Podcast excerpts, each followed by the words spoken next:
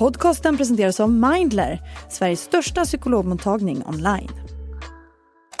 Den 23 januari säger Spotify upp 6% av sina anställda. Förra veckan varslade Spotify om nedskärningar och säger upp omkring 200 personer. Efter ett år av stora uppsägningar är det dags igen. Spotify meddelar att var sjätte anställd nu tvingas lämna företaget. Det här är musiktjänstens tredje omgång uppsägningar bara i år. Vad är det egentligen som händer bakom dörrarna på den svenska framgångssagan? På en kvart får du veta vad är Spotifys affärsidé som inte fungerar och hur stor krisen egentligen är.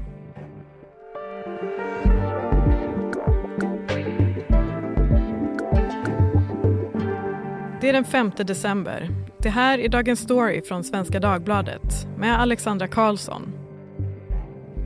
Har du sett på ljudlös? Mm, flygplansläge till och med. Gäst idag är Erik Wisterberg, techreporter på SvD. Du Erik, vi spelar ju in det här avsnittet på måndag förmiddag.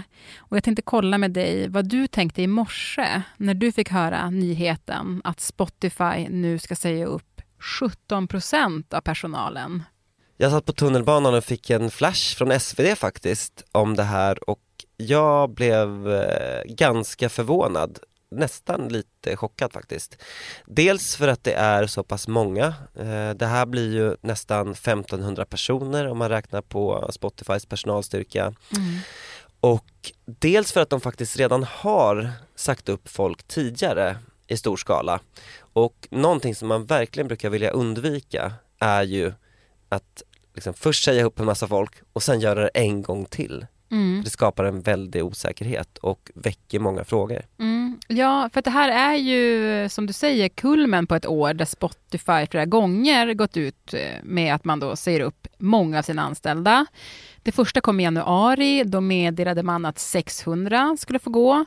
Enligt flera uppsagda får man sju dagar på sig att lämna in sina saker och skriva på uppsägningskontraktet. Och sen i juni eh, så var det 200 som skulle få gå. Samtliga anställda i företagets podcastdel. Och nu då det här beskedet att ja, men omkring 1500 eh, personer får lämna. Vad säger det här egentligen? Jag tror att det säger att någonting har ju hänt här längs vägen. Uppenbarligen när man gör de här första uppsägningarna så gör man troligtvis det i hopp om att det ska räcka. För att uppsägningar har man ju sett i hela techbranschen eh, på grund av att det är tuffare ekonomiskt läge. Mm. Men att det sker nu igen och ännu fler folk, eh, det får mig att tro att det är någonting som har hänt här under senaste året där Spotify känner att vi kommer inte nå de lönsamhetsmål som vi har och därför tar man till den här ganska drastiska åtgärden att nästan var femte person ska få lämna Spotify. VD Daniel Ek förklarar i ett skriftligt uttalande att kostnaderna i nuläget är för höga. Detta trots att intäkterna ökar och antalet prenumeranter blir fler. Vet du vad Daniel Ek vet? Jag tror att Daniel Ek vet allting kring varför de gör det här. Vi vet ganska lite än så länge om exakt varför, exakt vilka det här handlar om och vad eh, som kommer härnäst. Mm. Men vi ska ändå försöka analysera så gott vi kan i podden idag. Och en sak som jag tror att många tänker eh, när man hör Spotify, det är liksom en svensk framgångssaga och företaget lyfts ju ganska ofta upp som just det. The 12-year-old Swedish company jumped into a dominating position in music streaming, convincing customers to pay a monthly subscription fee. Och de lyfter ju också själva fram sig lite grann på det sättet. Ja, jo verkligen. Eh, och jag minns ju när de skulle börsnoteras 2018 då hade de en sån här Investor Day, alltså mm. vad ska man säga, det är egentligen en reklamdag men det heter något coolare. Men Daniel Ek han gick då ut på scenen i sprillans nya vita sneakers och kavaj dagen till ära som han inte brukar ha i vanliga fall. All right. Good afternoon everyone. Och pratade om hur Spotify liksom bara hade börjat att skrapa på ytan av de möjligheter som fanns inom streaming. Och där skulle han då försöka övertyga investerare om varför det var värt att satsa sina pengar på just Spotify trots att det här företaget aldrig hade gått med vinst. And I think you'll learn today that Spotify is a lot bigger than you thought, that the opportunity ahead is much, much greater than you might have realized och utmålade bilden av en fantastisk framtid där Spotify skulle växa och växa But we're just getting started. och förhoppningsvis också bli lönsamt framöver. Mm. Och så har det inte blivit. Det har ju kommit enskilda kvartal där Spotify har blivit lönsamma. Men det de lovade på scenen där i New York 2018 det var att Spotify skulle uppnå en marginal på 35% så kallad bruttomarginal.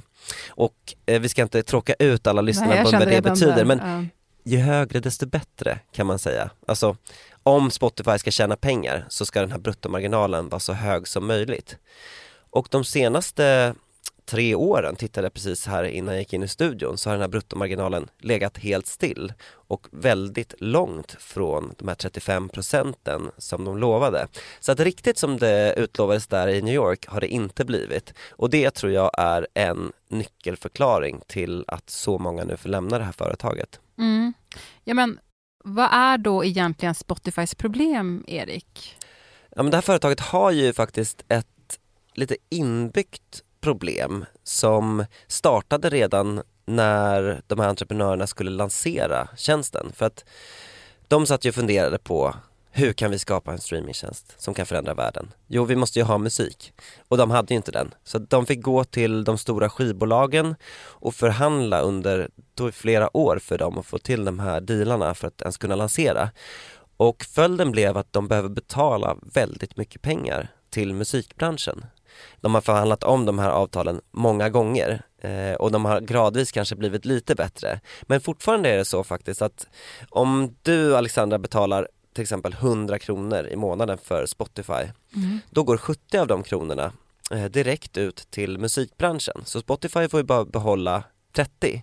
Och det här har liksom hängt med Spotify hela tiden och pressat företaget finansiellt. För att om man jämför med eh, Facebook eller Instagram, där är det ju så att, säg att det kostar ett antal miljarder att utveckla de här tjänsterna. Eh, och i början gör man jättestora förluster. Men när man sen väl har tjänat in de pengarna, då blir varje ny kund ren vinst. Och det är det här som är den heliga graalen i techbranschen, liksom sann skalbarhet där liksom alla nya kunder bara blir en ren vinst. Och så blir det ju inte för Spotify, för alla nya kunder kommer med 100 kronor ungefär, men också de med den här kostnaden på 70 spänn. Mm. Och det är därför som jag tror att Spotify för ett par år sedan helt plötsligt började satsa jättemycket på annat än musik som poddar till exempel och nu senast ljudböcker för att kunna försöka ändra på den här kalkylen. Men hur har det gått då? Ja, de har ju lagt väldigt mycket pengar på det här. Eh, 8 miljarder räknade vi ihop när vi skrev om det här på svenska för några år sedan för att, på att både köpa poddbolag i USA och sen också värva sådana stora profiler som Joe Rogan till exempel Train by day, Joe Rogan podcast by night. som de har en miljard deal med för att han då ska finnas på Spotify just. Welcome to town. Thanks. Like legit, you guys are here now. We're here now. How's it feel? It feels good. Och för mig så blir då det här beskedet om uppsägningarna eh, en indikation på att det som man ville uppnå med den här väldigt kostsamma poddoffensiven att det kanske tar längre tid än man hade trodde eller att det inte funkar riktigt så bra som det skulle göra. För att jag tror att tanken var att man skulle se att den här liksom vinstmarginalen eh, skulle öka med podd, poddsatsningen. Och eh, jag ser det här beskedet om uppsägningar som att det väcker frågor kring hur den här poddsatsningen egentligen funkar, alltså betalar den sig? Mm. För tanken var då att eh, Spotify också skulle bli en plattform för folk som lyssnar på poddar. Att man skulle köpa, ett, eller ljudböcker då, som du var inne på. Ja, och poddar har ju den eh, fördelen för Spotify att typ om du lyssnar på den här podden på Spotify så får ju inte vi några pengar av. Spotify för det, utan det är ju gratis innehåll för dem. Så det är fantastiskt. Och då skulle de kanske om, säg om ett par år, om, om alla lyssnar jättemycket på poddar så kan de ju säga till skivbolagen att så här, vet ni att när vi förhandlar med avtalen då lyssnade folk bara på musik. Nu lyssnar folk jättemycket på poddar så att vi kanske ska betala er lite mindre. Mm. Det är en, kanske en spekulation då ska jag tillägga från min sida att det skulle kunna ha varit en del i planen. Mm. Men du, hur illa är det här för Spotify då? Ja, det skapar ju en väldig osäkerhet tror jag. Alltså, det är tråkigt självklart för de som får gå nu precis innan jul i ett väldigt tufft ekonomiskt läge Mm. eh, i hela samhället. Men det skapar ju också tror jag en osäkerhet för de som blir kvar. För att de har ju redan sett att man sa upp folk tidigare och sen nu kommer det en stor uppsägningsvåg till. Och jag tror att frågan folk ställer sig internt är nu då, kommer det ännu en till? Och det är därför man brukar säga, som, eller VD brukar alltid säga att om du ska skära ner så gör det ordentligt en gång. Så att man liksom tar bort den här osäkerheten. Så att de flesta, eller många techbolag har ju tagit i väldigt mycket i sina uppsägningsrunder för att undvika just den här situationen att göra det liksom i flera steg. Och det kan ju också bli så att om, om- om det, det föds en osäkerhet på Spotify bland de som får bli kvar så kan det ju hända att de kanske söker sig bort och skaffar, försöker skaffa andra jobb. Normally, being a little extra might be a bit much, but not when it comes to healthcare. That's why United Healthcare's Health Protector Guard fixed indemnity insurance plans, underwritten by Golden Rule Insurance Company, supplement your primary plan so you manage out of pocket costs. Learn more at uh1.com. Ja, men Erik, om vi bara avslutningsvis stannar lite i den här relationen mellan Spotify och musikbranschen. Ehm, Alltså när Spotify kom så var ju det ändå revolutionerande. Alltså innan så var det den här stora debatten om att folk laddade ner musik och ingen betalade längre för musik. Men de lyckades få folk att betala för att liksom strömma musik igen.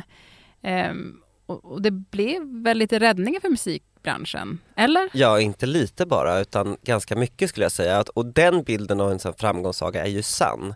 Att musikbranschens intäkter liksom minskade och minskade för varje år och det, hela den här liksom industrin var på väg ner i ett svart hål. Och man kan se på siffror från branschorganisationerna globalt att den här trenden vände när Spotify först då kom och sen fick en massa efterföljare som Apple Music till exempel.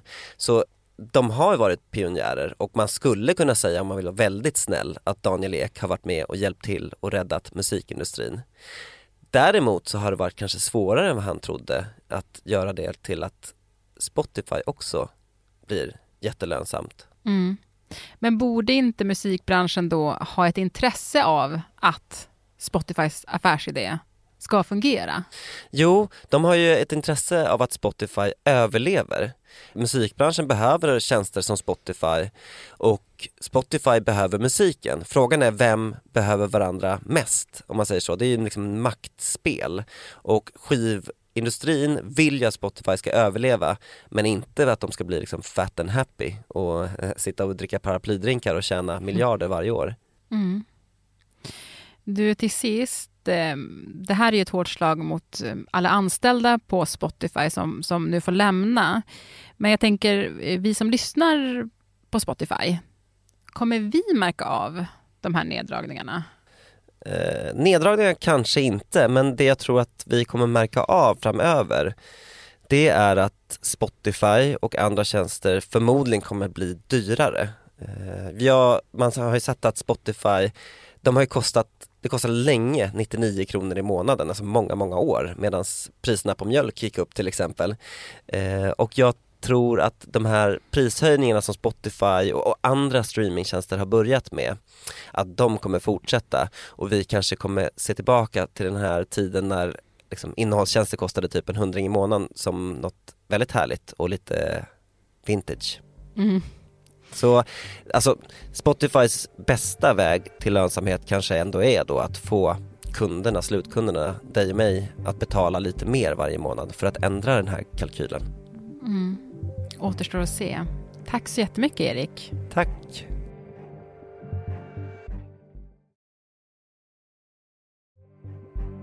Du har lyssnat på Dagens Story, en podd från Svenska Dagbladet. Gäst var Erik Wisterberg, techreporter på SvD. Producent var Moa Larsson och redaktör Maxim Persdotter Wallström.